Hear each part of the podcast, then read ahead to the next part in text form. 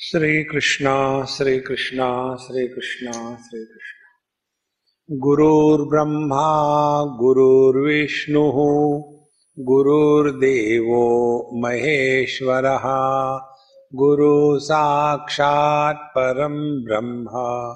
तस्म श्री गुरवे नमः। तस्म श्री गुरवे नमः। जब हमको कुछ चाहिए होता है तो हमारा जीवन भिन्न प्रकार से चलता है। और जब कुछ भी नहीं चाहिए तो जीवन भिन्न प्रकार से चलता है। और इसीलिए समस्या शुरू हो जाती है चाह से। एक महात्मा जी ने बड़ी सुंदर बात बताई थी। ब्रह्मा जी ने सब कुछ निर्माण किया। उसके साथ साथ आह भी निर्माण कर दी आह माने कर्ज और कहा, बेटा, तुम चली जाओ दुनिया में। बोले, पापा पापा, मैं कहा रहूँ? बोले, जहाँ मर्ज़ी है, किसके भी साथ चले जाओ। तो वो जहाँ भी जाती थी, लोग पूछते थे, तुम कौन हो? मैं आह हूँ। हट यहाँ से, मुझे नहीं चाहिए। तो कौन चाहेगा आह जीवन में? तो ये आह चली गई फिर ब्रह्मा जी के पास और कहने लग गई कि बाबा बाबा, मुझे तो कोई चाहता ही नहीं।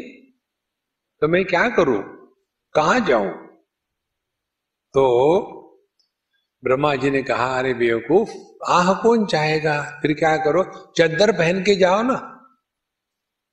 बुरखा पहनो, चद्दर पहनो और चली जाओ। फिर आह ने जब चद्दर पहनी तो वो बन गई चाह। और चाह हर एक चाहता है। देखो, और इस चाह के कारण ही सब समस्या निर्माण हो जाती है। इसीलिए कल भगवान ने हमको कहा था, अर्जुन के प्रश्न को लेकर के कि अथ केन प्रयुक्तोयम पापम चरति पुरुष, अनिच्छन्नपि वार्ष्णेय बलादिव नियोजिता हे वार्ष्णेय, हे भगवान श्री कृष्ण न चाहते हुए भी व्यक्ति गलत कार्य क्यों करता है? ये सबको स्पष्ट है एकदम, न चाहते हुए भी। सबको मालूम है Early to bed and early to rise is the way to be healthy, wealthy, and wise. And yet, we go to bed late, wake up late, and continue to be otherwise. तो जहाँ तक कि ज्ञान की बात है we are not short of ज्ञान सबको है लेकिन ये ज्ञान हमारे जीवन में नहीं उतरता क्या करे तो इसके लिए भगवान बताते हैं कि ऐसा क्यों हो रहा है?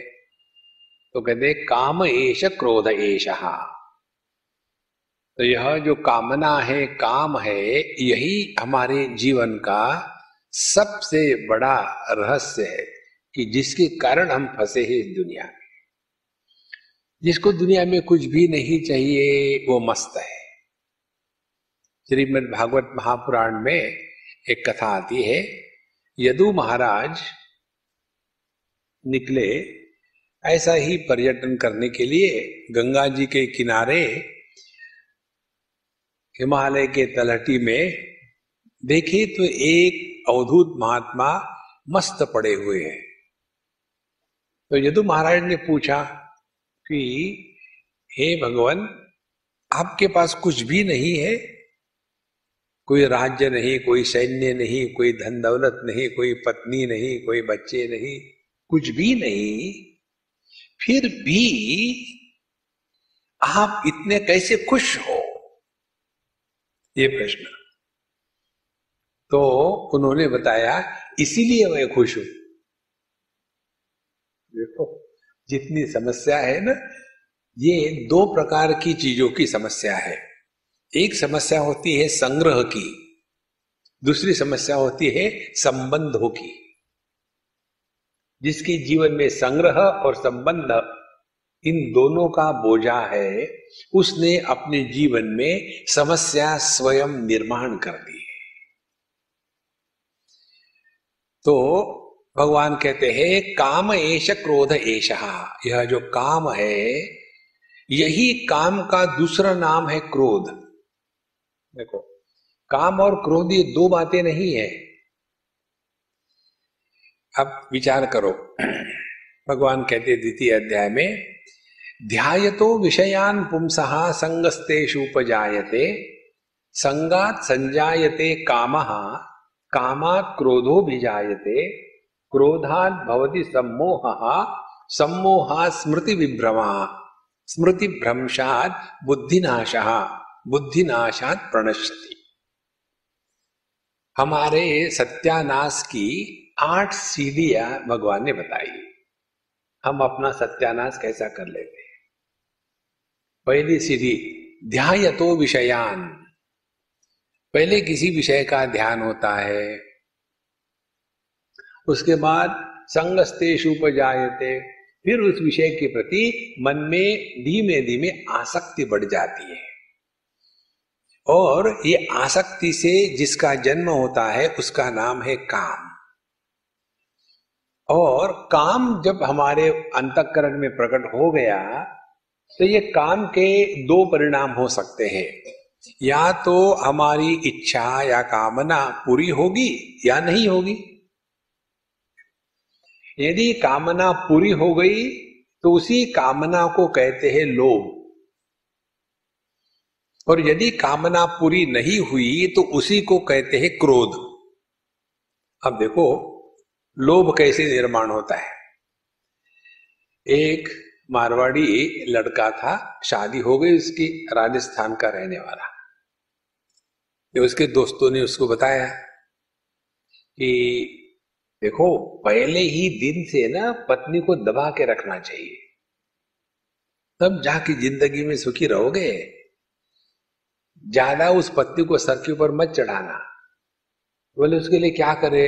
बोले, कभी भी प्यार वोर की बात नहीं करनी चाहिए। हनी आई लव यू फालतू चीज़ें, उसको नहीं करो। फिर हमेशा गुस्से से डांट के बात करो।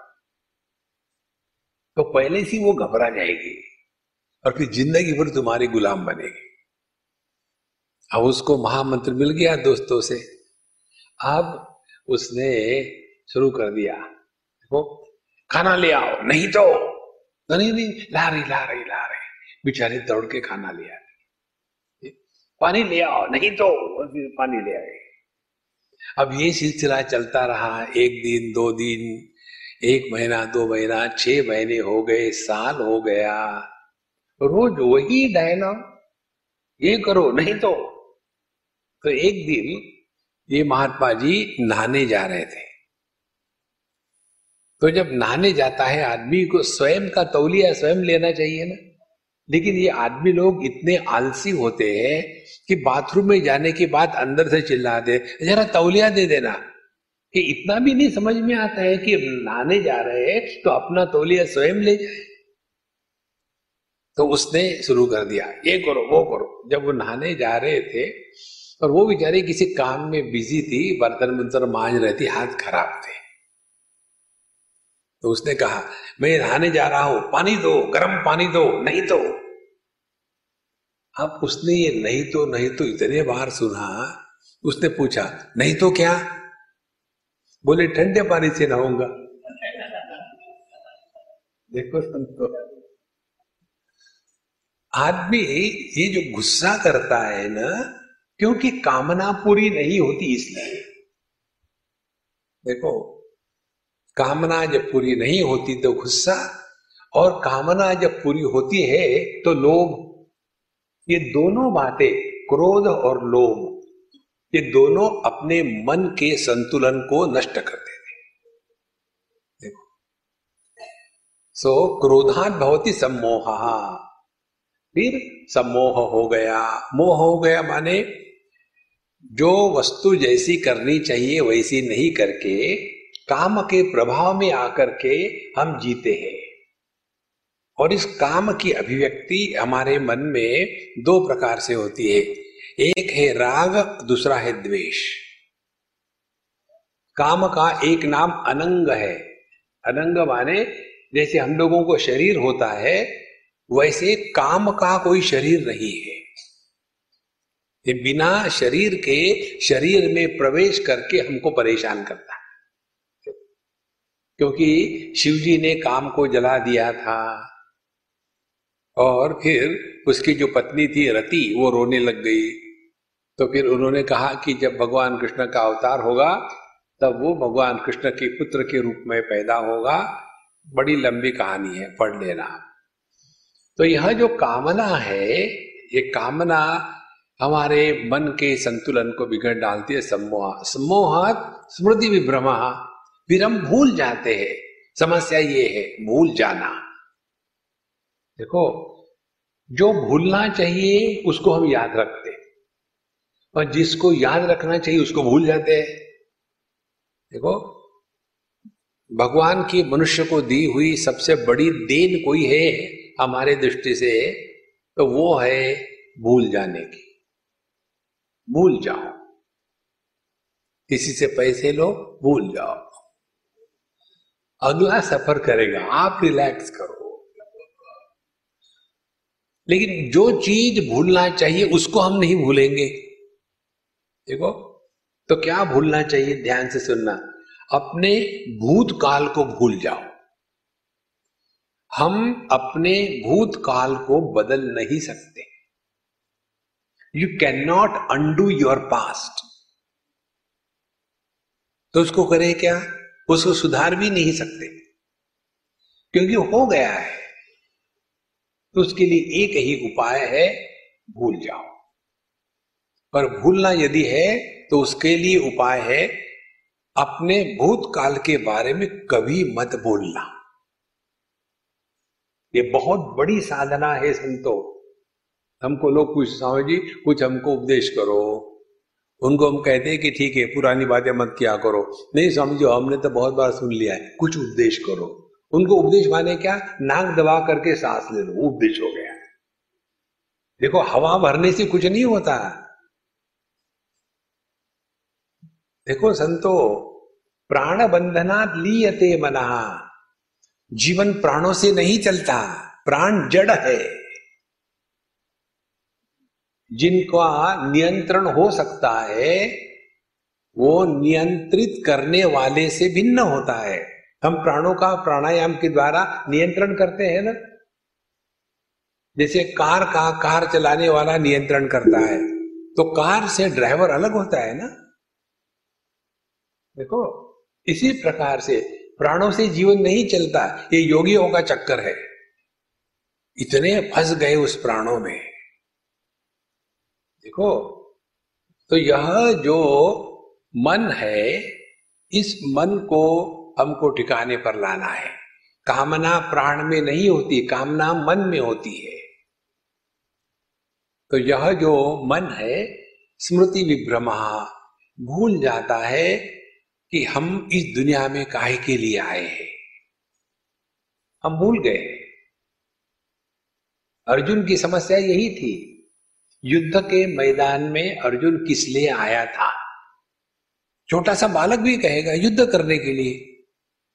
लेकिन वहाँ आने के बाद समस्या कहाँ से निर्माण हुई बाहर से। नहीं। वो भूल गया, स्मृति विभ्रमा, कि मैं युद्ध के मैदान में युद्ध करने के लिए आया हूँ, रोने के लिए नहीं आया। और ये भूलने का कारण क्या है? कारण यही है कि स्वजनम ही कथम हत्वा सुखिन श्याम माधव। हे भगवान, मुझे ये बताइए, अपनों को मार करके मैं कैसा खुश होगा? माने, मारने की समस्या नहीं है। समस्या है अपनों की। तो समस्या कहाँ है? समस्या है यही। हम ये अपना पराया इसमें इतने फंस गए हैं कि जो समस्या नहीं है उसको निर्माण करते अयम निजो परो वेत्ति गणना लघुचेतसाम। उदार हृदया नाम तो वसुधैव कुटुंबकम जो व्यक्ति छोटे दायरे में फंसा है, उसका दिल चूहे के जैसा है लघु चेतसा और उदाहरण हृदय नाम तू, जिसका दिल बड़ा है उसके लिए वसुधैव कुटुंबकम, सब दुनिया अपनी ही है। हम इस छोटे दायरे में फंस गए हैं, यही समस्या है। देखो तो यह जो समस्या हमारे जीवन में आती है, अब ध्यान से सुनना, ये समस्या जीवन में आने का क्या कारण है? जब सब कुछ ठीक चलता है ना, तब भगवान की याद नहीं आती। दुख में सुमिरन सब करे, सुख में करे ना कोई। जब समस्या नहीं है तो कहाँ भगवान है? आई डोंट बिलीव टाइम कहाँ है? ये वैसे ही है, जैसे कोई अच्छा सपना चल रहा हो। बढ़िया सपना है। आप जा रहे बढ़िया कार में बैठ करके, आपके साथ एक बढ़िया कन्या बैठी है इंपोर्टेड मॉडल और आप दोनों ही है। स्विट्जरलैंड में गाड़ियाँ जा रही है। बड़ा सुगंधित वातावरण है। सिनेमा के गाने चल रहे हैं। ऐसा सपना कभी टूटता नहीं। फिर वही चलती हुई गाड़ी कहीं स्किड होकर के गड्ढे में गिरी तो तुरंत सपना टूट जाता है। इसी प्रकार से ये जो दुनिया का सपना चल रहा है ना, जब तक के सभी गुड़ी गुड़ी गुड़ी गुड़ी है, तब तक के प्रभु का स्मरण नहीं होता। और इसीलिए भगवान करते क्या है मालूम है? जो भगवान ने अर्जुन के लिए किया। अब समझ लो इसको ठीक से। भगवान ने अर्जुन का रथ दो सैन्यों के बीच में ले गए, क्योंकि अर्जुन ने आज्ञा करी थी, ड्राइवर, गाड़ी वहाँ ले चलो। तो ड्राइवर क्या करेगा? जी सरकार। वहाँ ले गए। अब देखो भगवान कृष्ण की सुंदरता। सभी स्थानों को छोड़ करके अर्जुन का रथ भगवान ने भीष्माचार्य, द्रोणाचार्य इनके सामने खड़ा कर दिया कल्पना करो, यदि भगवान ने अर्जुन का रथ दुर्योधन के सामने खड़ा कर दे तो अर्जुन के मन में संदेह होता क्या कि मैं युद्ध करूँ या ना करूँ? तो भगवान ने किया क्या? ऐसी परिस्थिति निर्माण कर दी कि जिसके द्वारा अर्जुन के मन में मोह निर्माण होवे तो जब विष्माचार्य द्रोणाचार्य के सामने रथ ले गए, उसके बाद भगवान कृष्ण चुप बैठते तो वो भगवान कृष्ण नहीं। उन्होंने कहा कि अर्जुन, तुम जानना चाहते हो ना किसके साथ युद्ध करना है? तुमको दुश्मनों से युद्ध नहीं करना है, तुमको अपनों से युद्ध करना है। समस्या कहाँ आ गई? दुश्मन समस्या नहीं है, समस्या अपने होते हैं। माम का पांडवाश्चैव किम कुरुवत संजय।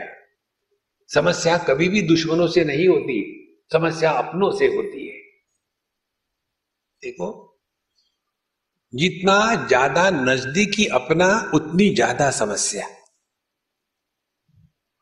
एक बार हम किसी के यहाँ थे, पूर्व भारत के बात है, कलकत्ते में किसी मारवाड़ी के यहाँ गए थे हम खाने के, खोने के लिए। तो लोग फ्री में कुछ नहीं देते, ये हमारा सिद्धांत है। सबके लिए आपको कुछ ना कुछ मेहनत करनी पड़ती है। खाने के लिए गए तो मारवाड़न हमको कहती है, स्वामी जी, इन्होंने हमारे लड़के को बिगाड़ रखा है। हमने कहा, तुम मेरा ब्रेकफास्ट बिगाड़ रही हो, उसका क्या? अब खाने दोनों शांति से। नहीं, आप इनको समझाओ। हमने कहा, जहाँ तुम फेल हो गए, मैं कैसे समझा तो पति देव ने कहा अच्छा भाई, बाद में बताना, पहले खाना तो खिलाओ, हमने खाना खा लिया। फिर उस अम्मा ने कहा, इन्होंने हमारे लड़के को पैसे दे दे करके बिगाड़ रखा है। तो उन्होंने कहा, स्वामी जी, चलिए मैं आपको समझाता हूँ। उनके बेडरूम में ले गए। और वहाँ जाने के बाद फिर उन्होंने कहा, स्वामी जी, मेरा आप पर विश्वास है। उन दिनों में पाँच सौ की नोटें नहीं छपी थी, सौ की नोट ही मैक्सिमम। बहुत पुरानी बात। बड़ी अलमीरा खोली सौ के गड्डियों से भरी हुई थी। मुझे कहते स्वामी जी मेरे पुत्र को ये मालूम है। तो आकर के कहता है डैड फाइव थाउज़ेंड रुपीज़ और उसको मैं कहूँ किस लिए चाहिए? नहीं नहीं कहा। किस लिए चाहिए? तो कहता है आ, यही है ना इनकम टैक्स ऑफिसर का नंबर अब मेरा ही पुत्र मुझे ब्लैकमेल कर रहा है। अब मुझे बताओ स्वामी जी, आप जो कहेंगे मैं करूँगा। क्या बताऊँ? बोले, मैं अपने पैसे बचाऊं कि बच्चे को बचाऊं? हमने कहा, पैसे बचाओ। लेट इज़ बी प्रैक्टिकल देखो, संतो, समस्या परायों की नहीं होती, समस्या अपनों की होती है। कितनी सिंपल बात है। जब किसी का कोई बच्चा बिगड़ जाता है और हमको न्यूज़ मिलती है तो हम तुरंत फिलोसोफर बन जाते हैं। देखो, आजकल के बच्चे बड़े बिगड़ गए लोग और इसका कारण बच्चे नहीं माँ बाप है। घर में संस्कार नहीं है। सब कुछ दारू पीना, ये सब चलता है। वो क्लबों भी जाते हैं। बच्चे क्या करेंगे? फिलोसोफर बन गए। लेकिन बात होते होते फिर कहा कि बाबूजी, हम जिसकी बात कर रहे हैं ना, वो आपका ही पुत्र है। अरे बाप रे, एकदम समस्या कड़ी हो गई। देखो, संतो, समस्या दुश्मनों से नहीं होती, अपनों से होती है। अब ध्यान से सुनना। अपना कौन है इस दुनिया में? केवल एक है। और वो है मनीराम महाराज। अपना जो मन है, वही हमारे समस्या की खदान है। Coal block. जो कोलगेट होता है ना, ये माइंड गेट है। यही सब समस्या है, और कहीं नहीं समस्या। और जितना हम इसको समझेंगे, कि सभी समस्या का मूल मन में है। और इस मन को ठीक करना यही आध्यात्मिक साधना है। देखो श्रीमद भागवत गीता में आता है मुख्य रूप से चार आ, मार्ग दिखाए हैं भगवत गीता में। वैसे तो डेढ़ दर्जन योगा है।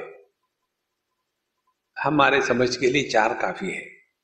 कर्मयोग उसके बाद अष्टांग योग, फिर भक्ति योग और ज्ञान योग। इन चारों का तात्पर्य क्या है? किसके लिए कर रहे हैं? तो इन चारों का, चारों योगों का प्रभाव अपने मन के संतुलन को टिकाने के लिए है। सिद्ध सिद्धियों पहले कर्म योग बताते। सिद्ध सिद्धियों समूह भूतवा समत्वम योग उच्चते जब कोई कार्य हम करते हैं तो सफल होगा या सफल नहीं होगा? दोनों ही परिस्थिति में जिसके मन का संतुलन बना रहता है, उसने कर्मयोग सीखा है। देखो। अष्टांग योग की बात करते हैं भगवान। आत्मोपमेन सर्वत्र समम पश्यति अर्जुन। सुखम व यदि वा दुखम स योगी परमो मता। योगी माने आसन प्राणायाम करने वाला योगी नहीं है। ये ऐसी गलत फहमी दिमाग में घुस गई है। देखो, योग का तात्पर्य पतंजलि के अनुसार भी योग चित्तवृत्ति निरोधा नहीं। ये पहला सूत्र है, उसके साथ का जुड़ा हुआ सूत्र है, तदा दृष्टु स्वरूप अवस्थानम। योग माने, जब हम अपने स्वरूप में निष्ठावान हो जाते हैं, तब हमने योग प्राप्त किया है। केवल अपने मन के विचारों को दबा के रखना ये योगा नहीं है। देखो, इन पूरा लाइफ इन योगियों का या तो आसन करेंगे, या तो प्राणायाम करेंगे और परेशान होते रहेंगे। योगा सीखना है तो हमारे कन्हैया से सीखो। भगवान कृष्ण का योग देखो क्या है। तम विद्या दुख संयोग वियोगम योग संदितम स निश्चय योगतव्य योग अनिर्विण्ण चेतसा। जीवन में दुख के प्रसंग आने के बाद भी दुखी होने से इनकार करना, इसको कहते हैं योग। अब इसके लिए आसन की आवश्यकता है क्या? इसके लिए प्राणायाम की आवश्यकता है क्या? इसके लिए निश्चय की आवश्यकता है। निश्चय न योक्तव्य। Refuse to be miserable make the miseries miserable इसको तो हम भूल जाते हैं। और खामो खाम चीज़ों में फंसे रहते हैं। देखो संतो, बहुत सिंपल बात है ये सब चीज़ों की। तो योग का तात्पर्य भगवत गीता के अनुसार समत्व। तो समम पश्यति अर्जुन। जैसा हम अपने साथ व्यवहार चाहते हैं, वैसा ही सबके साथ जो करता है, वो योगी है।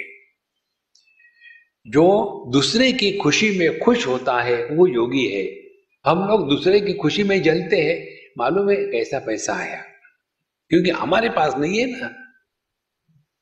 किसी की बढ़िया गाड़ी होगी, मालूम है कैसे खरीद ली? क्योंकि हमारे पास नहीं है। देखो, हमको एक ने पूछा था, स्वामी जी, आप हमेशा खुश रहते हो? आपके खुशी का क्या राज है? हमने कहा, हमारे खुशी का राज है, हम दूसरे की खुशी में खुश होते हैं। बोले, उदाहरण दो।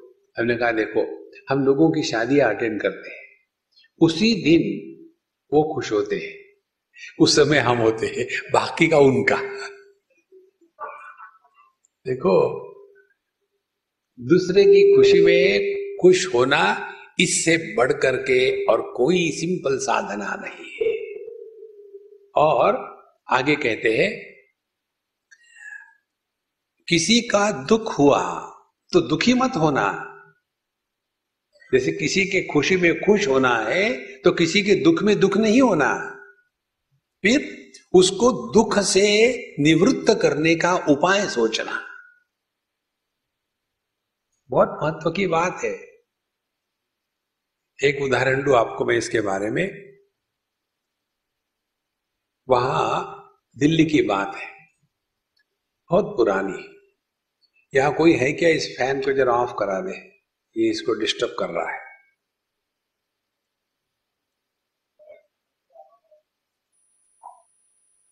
तो ये हवा जा रही इसमें ना, इसीलिए इसको डिस्टर्ब कर रहा है।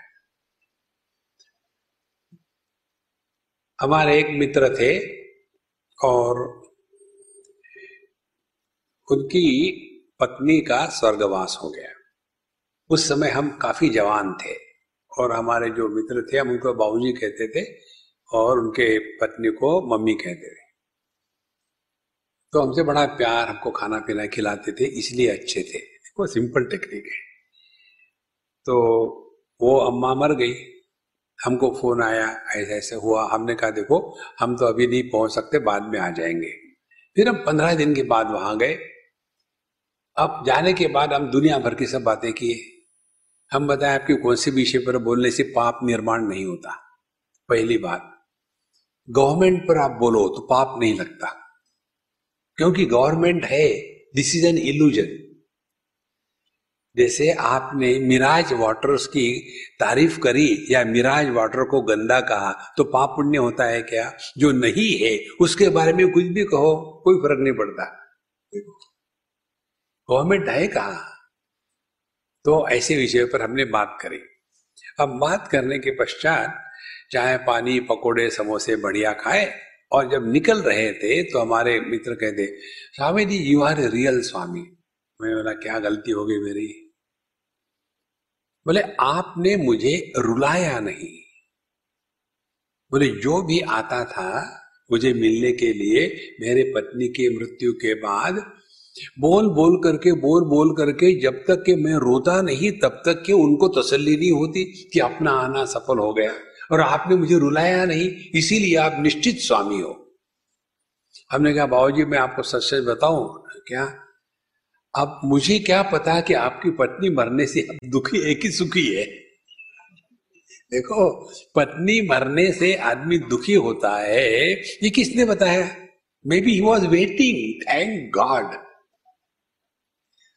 देखो, संतो, किसी के दुख में भागी होना माने स्वयं दुखी नहीं होना, उसको उस दुख से निवृत्त करना। देखो, सुखम व यदि वा दुखम सयोगी परमो मतहा उसको कहते हैं परम योगी। देखो संतो, इसलिए कर्म करो तो ध्यान मन के संतुलन पर है। जो संतुलित मन है, वहाँ कोई समस्या नहीं। जिस मन में संतुलन नहीं है, वहाँ समस्या के सिवा और कुछ नहीं। तो कर्म कर लिया मन के संतुलन के लिए समत्वम, योग कर लिया मन के समता के लिए, अब तीसरी बात आती है भक्ति मार्ग। ये जो भगत लोग होते हैं ना, कहते तो है हम भगवान के भगत है, लेकिन उनको भगवान पर विश्वास नहीं डाउट होता है। भगवान श्री कृष्ण भगवद गीता के नवे अध्याय में कहते हैं अनन्या चिंतयंतो माम ये जना पर्युपासते तेषाम नित्याम युक्ता नाम योग क्षेम वहाम्याम यदि हम भगवान के असली भगत है तो भगवान का यह प्रण है कि उसका योगक्षेम मैं वहन करूँगा। योग माने जो नहीं है, उसकी प्राप्ति। क्षेम माने जो है, उसको बचा के रखना। दोनों बातें।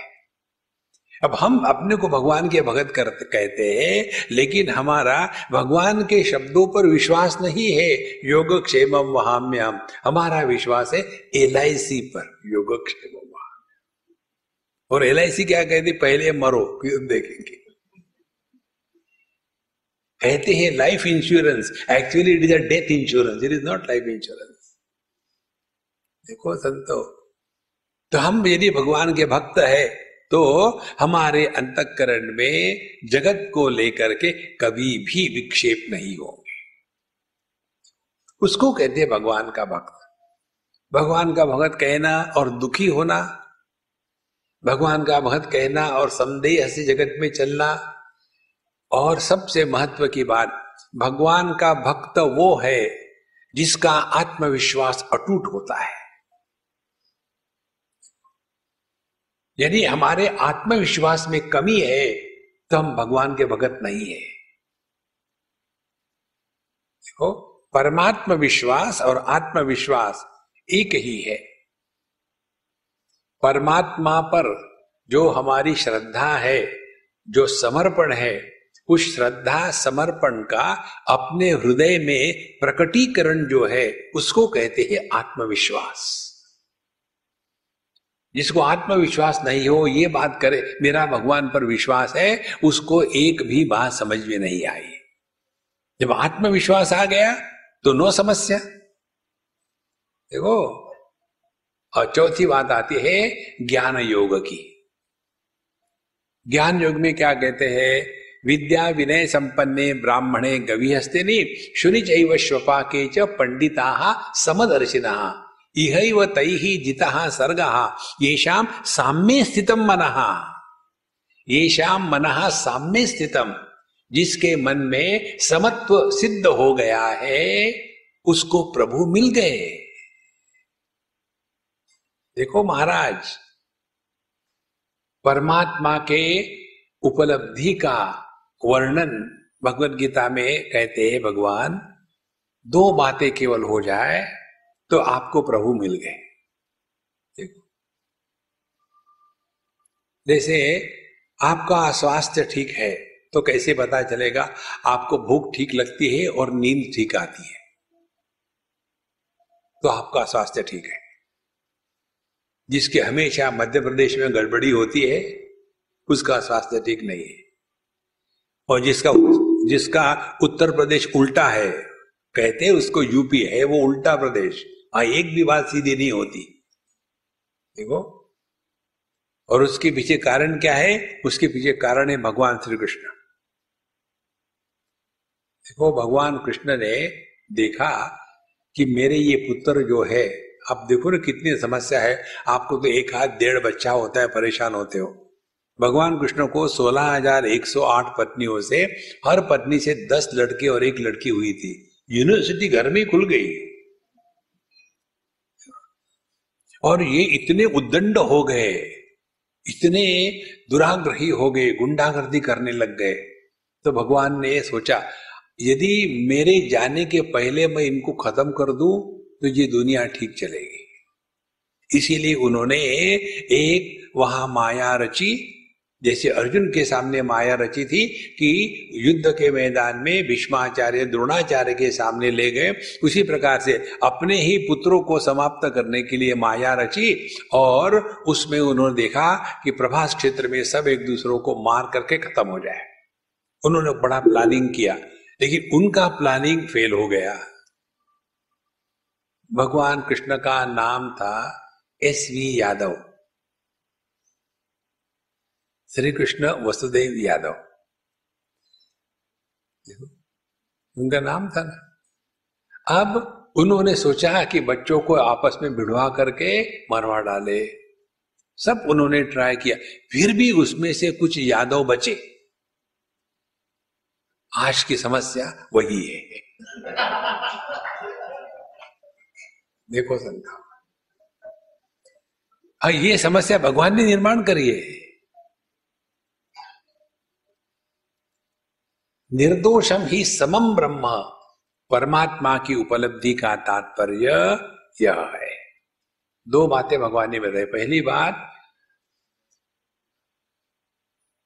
जितात्मना प्रशांत परमात्मा समाहिता शीतोष्ण सुख दुखेशु तथा मानापमानयो।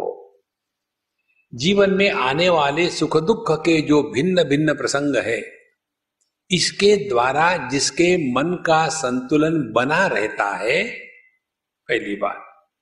और दूसरी मानाप मानयो हो प्रशांत जिसको मान अपमान के द्वारा, जिसके मन की शांति भंग नहीं होती, परमात्मा समाहिता, उसने प्रभु में प्रवेश कर लिया है। भगवान का अपमान नहीं होता। जब कन्हैयालाल मिट्टी खा रहे थे तो यशोदा मैया को गुस्सा आया और डांट करके एक चाटा लगाया और कहने लग गई, लगता है तू पिछले जन्म में सुअर था क्या? मिट्टी खाता है। तो भगवान को एकदम डर लगा। कहीं मैया ने पहचान तो नहीं लिया कि वराह अवतार मेरा ही था। उन्होंने अपना मुँह खोल करके मम्मी को कंफ्यूज कर दिया। उनको गुस्सा थोड़ी आया। मानापमानयो प्रशांत हमको थोड़ा बहुत ऊपर नीचे हो जाए, कितना मान अपमान होता है। हम बड़े हैं, जहाँ बड़ों का आदर नहीं होता, वहाँ हम नहीं जाते। अरे बड़े हैं माने क्या? लंबा हुआ तो क्या हुआ? जैसे पेड़ खजूरा। देखो संतो, उम्र से बड़ा होना ये शुद्र बुद्धि का लक्षण है। पैसे से बड़ा होना ये वैश्य बुद्धि का लक्षण है। शक्ति से बड़ा होना यह क्षत्रिय बुद्धि का लक्षण है। और ज्ञान से, समझदारी से बड़ा होना यह ब्राह्मण बुद्धि का लक्षण है। देखो महाराज, लेकिन हम बड़े लोग हमेशा इसी चीज़ को कहते हैं, बड़ों का आदर नहीं होता। Whenever we demand respect we don't command respect command हमारी उम्र बढ़ गई, हमारा क्या कंट्रीब्यूशन है उसमें? ये तो पृथ्वी बेचारी घूम रही सूर्य के अगल बगल में और हमारी उम्र बढ़ रही लो। इसीलिए मानापमानयो हो प्रशांत ये दो चीज़ें आ गए जीवन में, परमात्मा समाहित। परमात्मा में हम एक हो गए।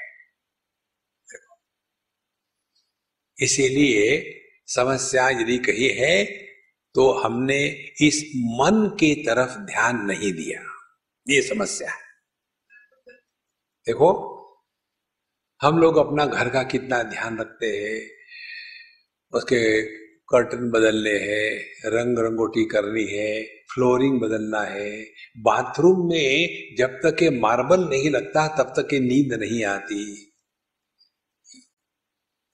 बिल्कुल बस वही चाहिए मार्बल मार्बल मार्बल कितना उसमें लगा रहे।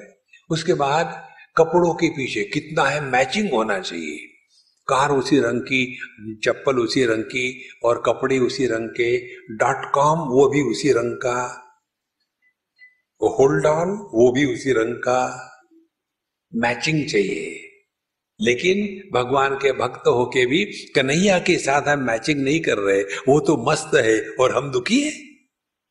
करो ना मैचिंग भगवान के भक्त होकर के दुखी होना यू डोंट मैच विद भगवान।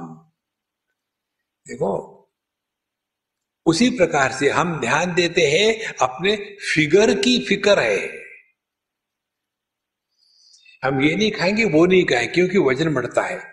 फिकर की फ़िक्र है ध्यान से सुनना। हमने सब चीज़ों का ध्यान दिया है। इसका उत्तर मत देना, अपने मन में ही रखना। सबका एक ही उत्तर है।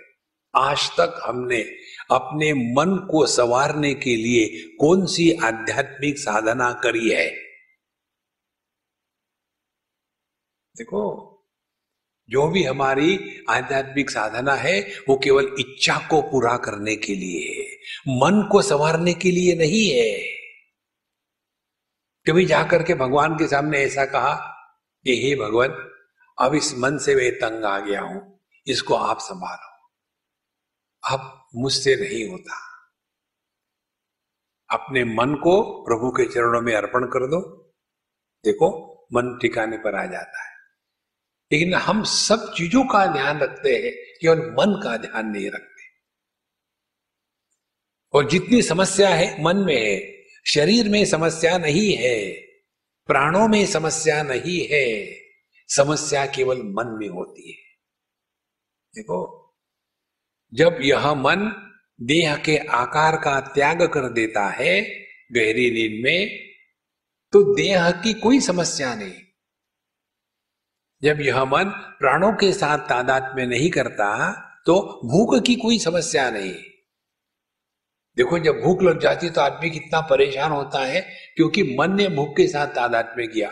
लेकिन मन यदि दूसरे काम में लगा हुआ है तो भूख आके चली जाती है। पता भी नहीं लगता, अरे, मैंने खाना नहीं किया याद ही नहीं रहा। अब खाना कहाँ होता है?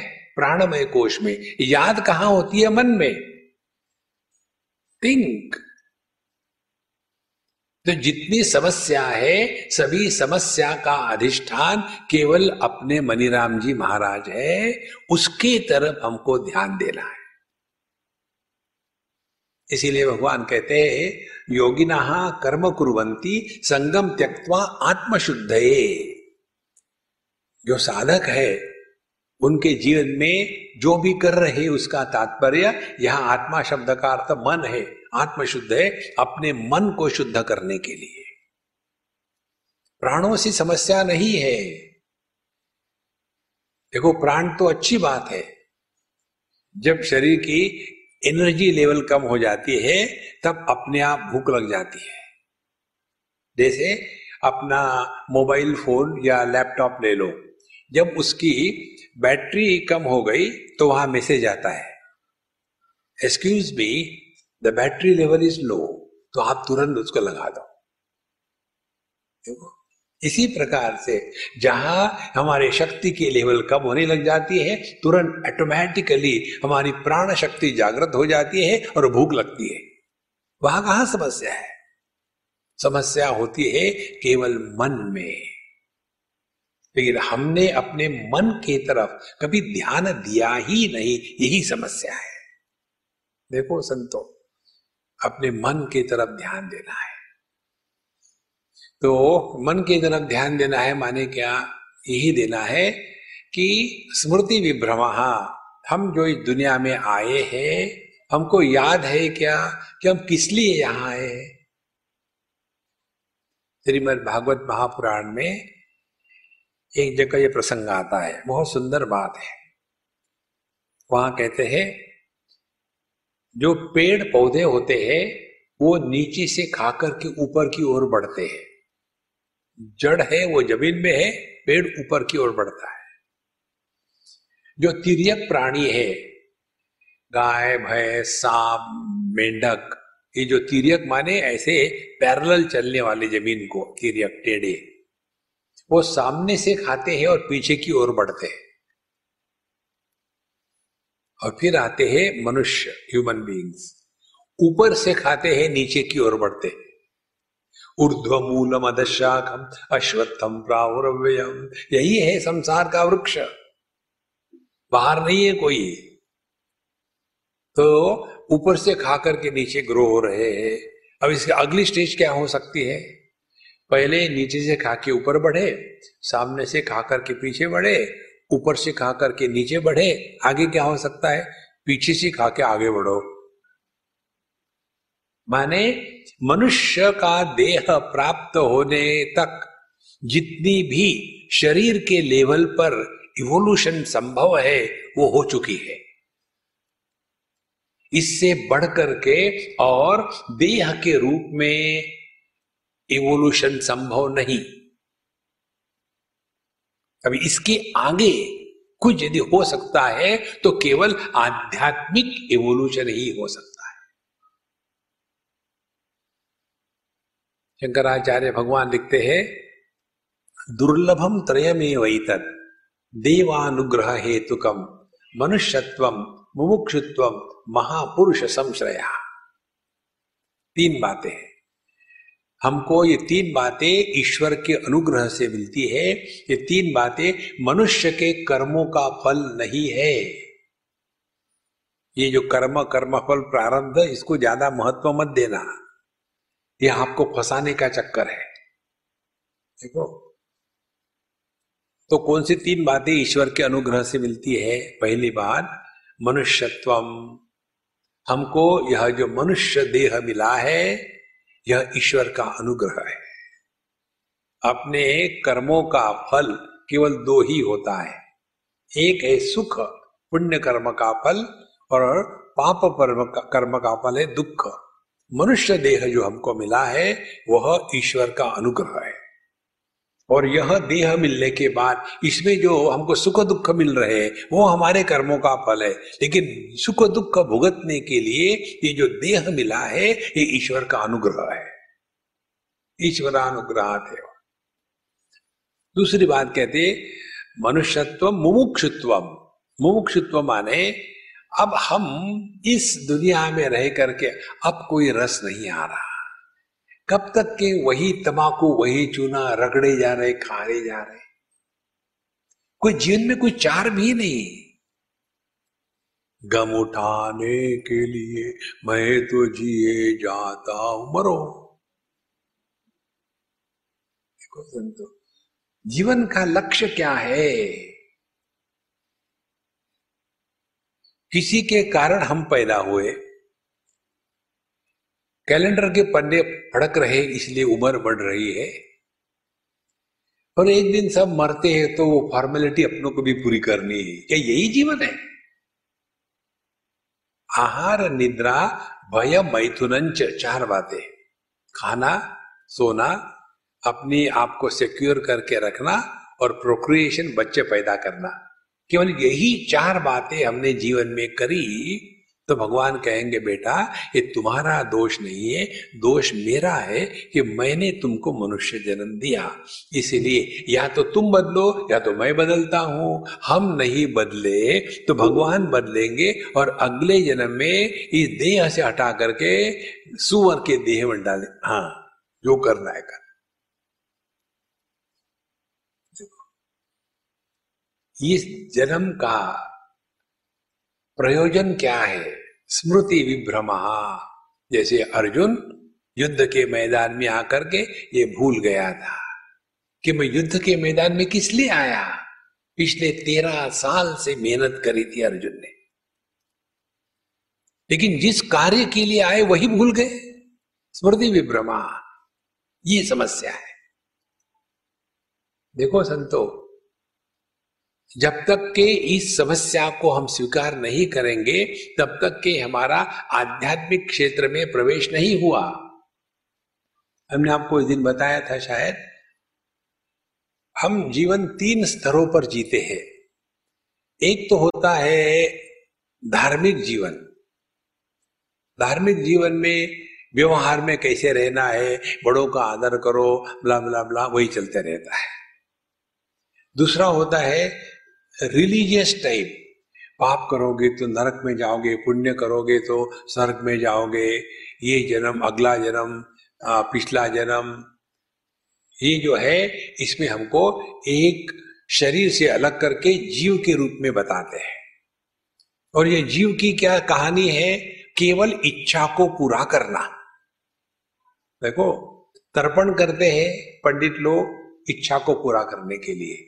भगवान की भक्ति करते हैं इच्छा को पूरा करने के लिए। एक बार मुझे किसी अंग्रेज़ ने पूछा था कि Swami ji your monkey god Hanuman why does he have the you know bat mace जो गदा है ना हनुमान जी की इसलिए हमने कहा, हनुमान जी पर बहुत बॉलिंग होती है। क्रिकेट की बॉल होते हैं ना, जैसे परीक्षा नज़दीक आ जाती है तो सभी के सभी स्टूडेंट जा करके ये नरियल उनको फेंकते उनको अपना ठकाक ठकाक मारते रहना है। हमारी जो भक्ति है, वो अपनी इच्छाओं को पूरा करने का एक मार्ग है, साधन है। देखो, हम भगवान के सामने जाकर के कहते भगवान let a sign an MOU memorandum of understanding किस लिए? फिर भगत कहता है, भगवान, आपके पास अनंत शक्ति है, लेकिन एक भी इच्छा नहीं। भगवान कहते, मुझे मालूम है, भगवान, मेरे पास अनंत इच्छा है, लेकिन एक भी शक्ति नहीं ये भी मुझे मालूम है। फिर why not we sign an MOU आपकी अनंत शक्ति, मेरी अनंत इच्छा है। दोनों का कंट्रीब्यूशन करेंगे, कितना बढ़िया रहेगा। हमारी भक्ति भागती है, इच्छाओं के पीछे। हमारे भक्ति में परमात्मा बन जाते हैं साधन और दुनिया की उपलब्धियाँ बन जाती है साध्य। ये भक्ति नहीं है संतो। देखो तो जो धर्म है समाज में रहने के लिए, भक्ति इत्यादि जो है इच्छा को पूरा करने के लिए, ये दोनों भी साधन है। ये साध्य नहीं है जीवन के। अध्यात्म क्या है? अध्यात्म है अपने स्वरूप को पहचानना। जब तक कि अपने स्वरूप को नहीं पहचानेंगे, इस दुनिया की समस्याएँ बनी रहेगी। आज तक किसी की भी संपूर्ण समस्याएँ समाप्त नहीं हुई। एक ना एक समस्या बनी रहेगी। क्योंकि सापेक्षता के क्षेत्र में संपूर्णता का अभाव होने से कोई ना कोई समस्या पैदा होती ही है। देखो तो जैसे जैसे हम सूक्ष्मता से चिंतन करेंगे, तब पता चलेगा समस्या का मूल स्थान हमारा मन है। तो जिस दिन हमने, अब ध्यान से सुनना, हम सूक्ष्म बात बताने जा रहे ये बात समझ ली we have been working all the time by the mind. We have to start working on the mind. हमने अपने जीवन में मन के द्वारा काम करना जाना है। मन पर काम करना कभी नहीं किया। देखो, मन के द्वारा काम करना माने क्या? माने डिफ़ॉल्ट सेटिंग्स देखो, मन के द्वारा कैसा काम होता है। किसी भी वस्तु को देखा, किसी भी व्यक्ति को देखा, कहीं भी गए तो मन के द्वारा काम करना माने क्या? हमारा मन हर चीज़ पर कमेंट्री शुरू कर देता है। किसी ने पूछा, लेकिन स्वभाव बन गया है। हम आपको अपनी बात बताते हैं। कैसे हम मन के द्वारा काम करते हैं, मन पर काम नहीं करते। We have to work on the mind then only you can control the mind फिर सब समस्या गायब हो जाएगी। बद्रीनाथ की बात है एटीज की है उस समय हम काफ़ी छोटे थे। तो वहाँ बद्रीनाथ के मंदिर के बगल में एक धर्मशाला है वहाँ एक आ, नेपाली अम्मा रहती थी भगवती माँ। हमसे उसका बहुत प्रेम था। हम जब जाते थे तो उनकी गोद में सर लगा करके लेटते थे वो हमको चाय पिलाती और मिठाई खिलाती, बहुत ही प्यारे थे। तो एक बार हमने ऐसा कहा कि अम्मा, ये लेक्चरबाजी बहुत होगी, अब मैं बंद करने वाला हूँ। जब मैंने ऐसे कहा तो वो बड़ी हंसने लग गई। वयस्क थी, बहुत ही सुंदर, बिल्कुल सॉफ्ट कॉटन के जैसी हंसने लगे। अरे मामा, हंस क्यों रही हूँ? बोले, मैं हंस इसलिए रही हूँ कि तुमने किसके प्रश्न का उत्तर दिया? कितनी सूक्ष्म बात है, देखो। तुम जो कह रहे हो कि अब मैं लेक्चर बाजी बंद करना चाहता हूँ तो तुमको किसने पूछा है? देखो, ये है मन के द्वारा काम करना। अब देखो, अपने जीवन में लगाओ कोई भी व्यक्ति है, उसके बारे में अपना ओपिनियन होता है। देखो, आप जानते हैं कि उनको जानते नहीं है, लेकिन लगता है चोर है। अरे, कहाँ से आ गया चोर? वो महात्मा बड़े अच्छे महात्मा है। अब तुम क्या महात्माओं को नाप तोल कर रहे हो? हम हर एक का इवेल्युएशन करते हैं, हर एक को सर्टिफिकेट देते हैं। हर एक की तुलना करते हैं इस महात्मा से वो महात्मा अच्छे थे। देखो संतो this is working by the mind ध्यान से सुनना, जो भी कार्य आप मैकेनिकली करो ना, जीवन का रस खत्म हो जाता है। ये बात हमने एक जगह सीखी, देखी भी। गोवा में एक फैक्ट्री है जहाँ स्टील की फाइल्स बनाते हैं। जो होती है ना, लोहे की बनाई हुई, लोहे को रगड़ने के लिए हिंदी में क्या कहते पता नहीं फाइल्स कहते तो वो फाइल्स की फैक्ट्री हमको ले गए दिखाने के लिए। ऐसे बड़े बड़े हॉल थे और कितने उसमें लेथ मशीन थे। और हर एक लेथ मशीन के साथ एक आदमी खड़ा है। अब हमको दिखा रहे हमको क्या समझ में आता है। हमने कहा कि किसी से बात कर सकते हैं? हाँ किसी से बात करिए तो एक जगह रुक गए हमने उस लेबर से कहा, भाई, मेरे साथ बात करोगे तो तुम्हारे काम में तो गड़बड़ी नहीं होगी? नहीं नहीं समझे मैं कितने, तीस साल से ही कर रहा हूँ, कोई गड़बड़ी नहीं होगी। मेरे साथ बात भी कर रहा, काम भी कर रहा, बात भी कर रहा, काम भी कर रहा।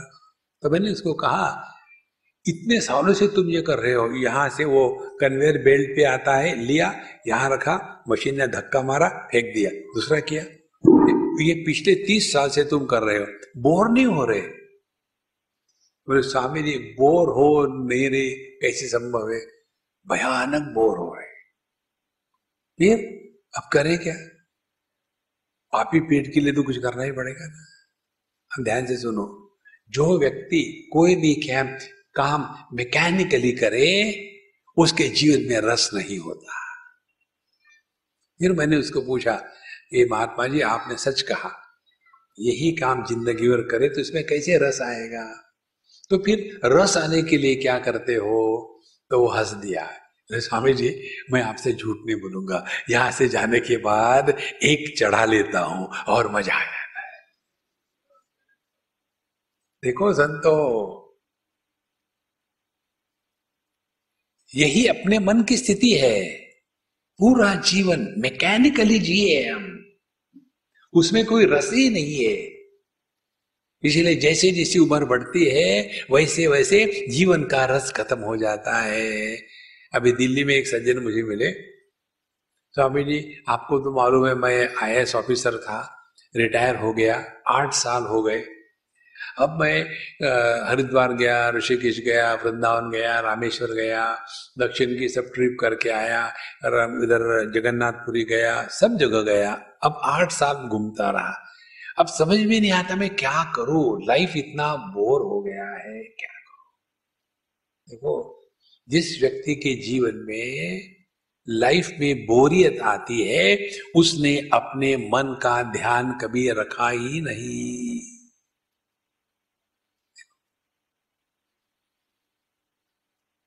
The only way to control the mind is to keep the mind occupied discipline and educated three things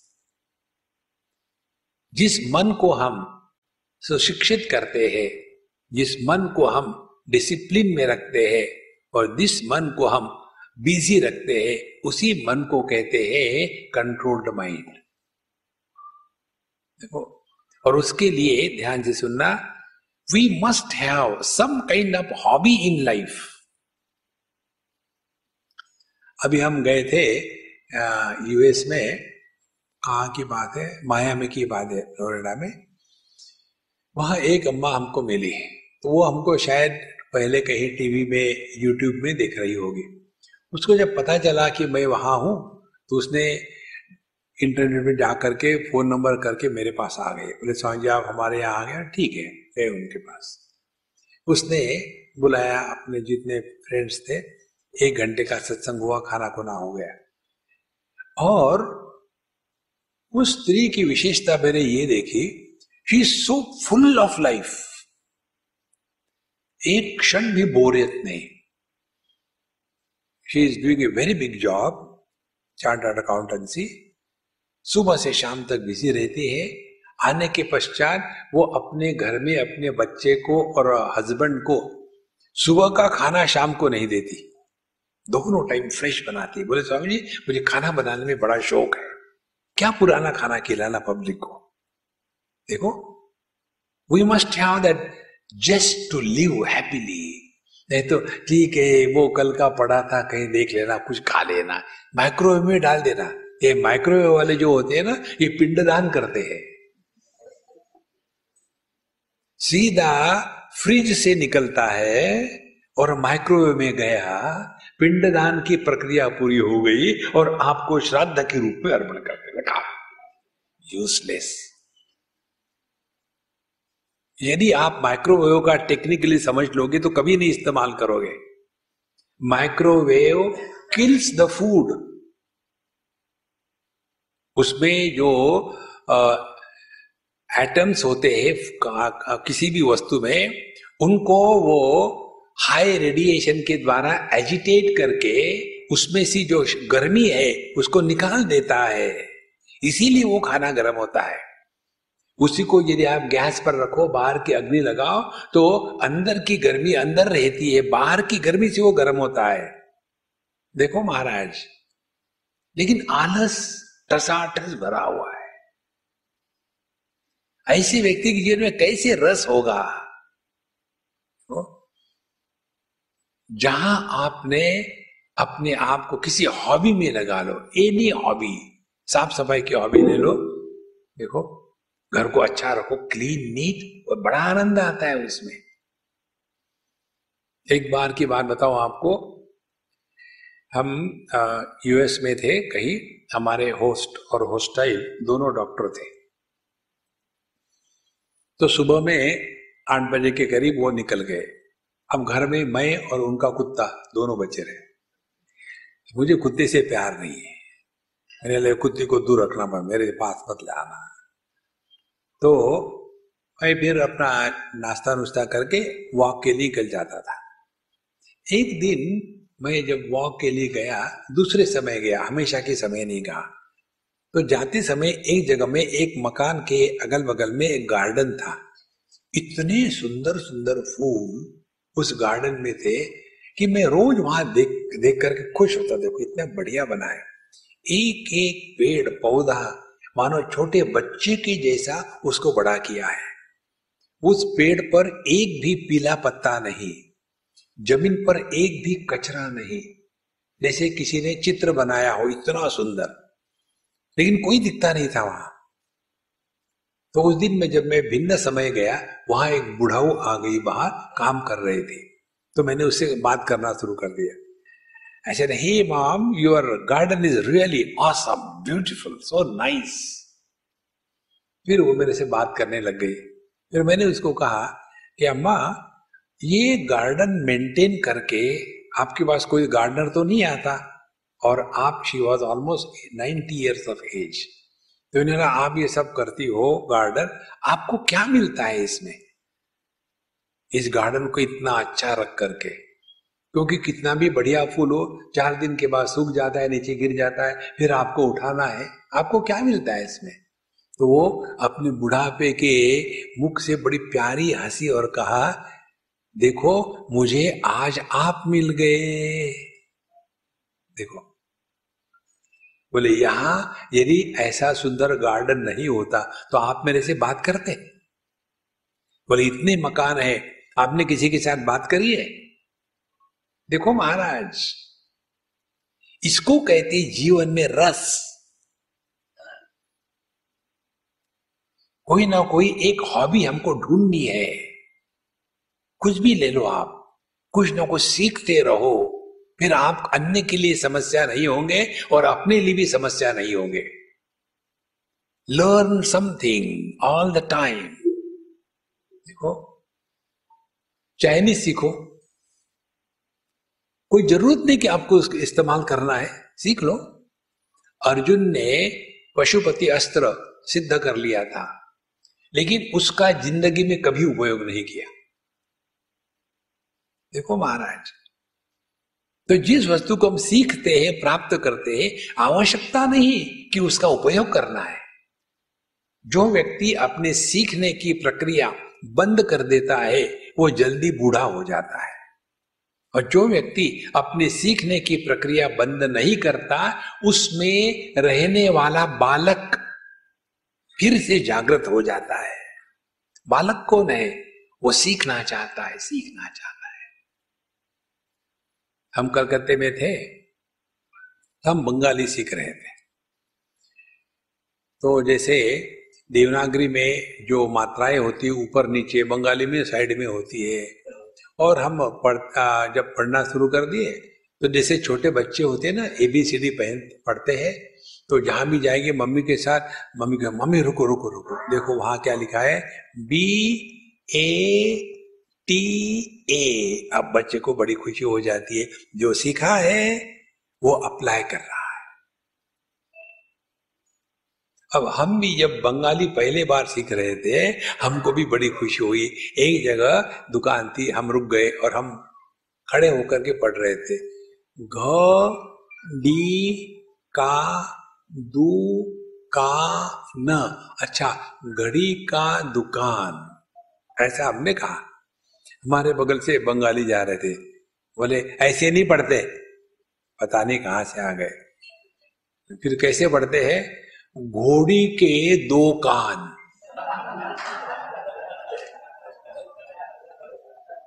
ले लो। घड़ी का दुकान में घोड़ी के दो कान। कुछ ना हो सीखते रहो संतो। बड़ा आनंद आता है जीवन में। एक हमारे मित्र है सिंधी। और उन्होंने ये बात सीखी हमसे कि स्वामी जी आपने पिछली बार कहा था ना? तो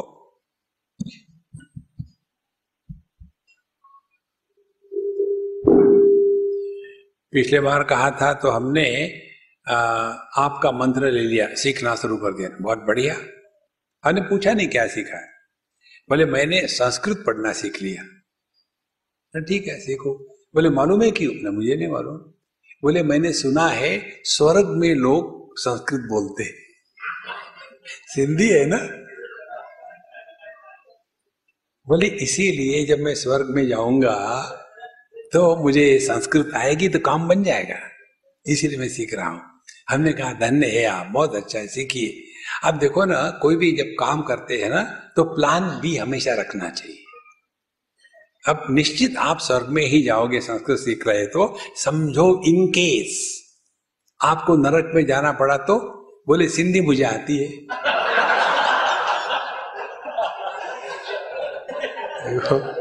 कोई समस्या नहीं। ओम पूर्णमद पूर्णमिदम। पूर्णाः पूर्णमुदच्छते। पूर्णस्य पूर्णमादाय पूर्णमेवावशिष्यते। ॐ शान्ति शान्ति शान्तिः। हरिः ॐ श्रीगुरुभ्यो नमः। हरिः ॐ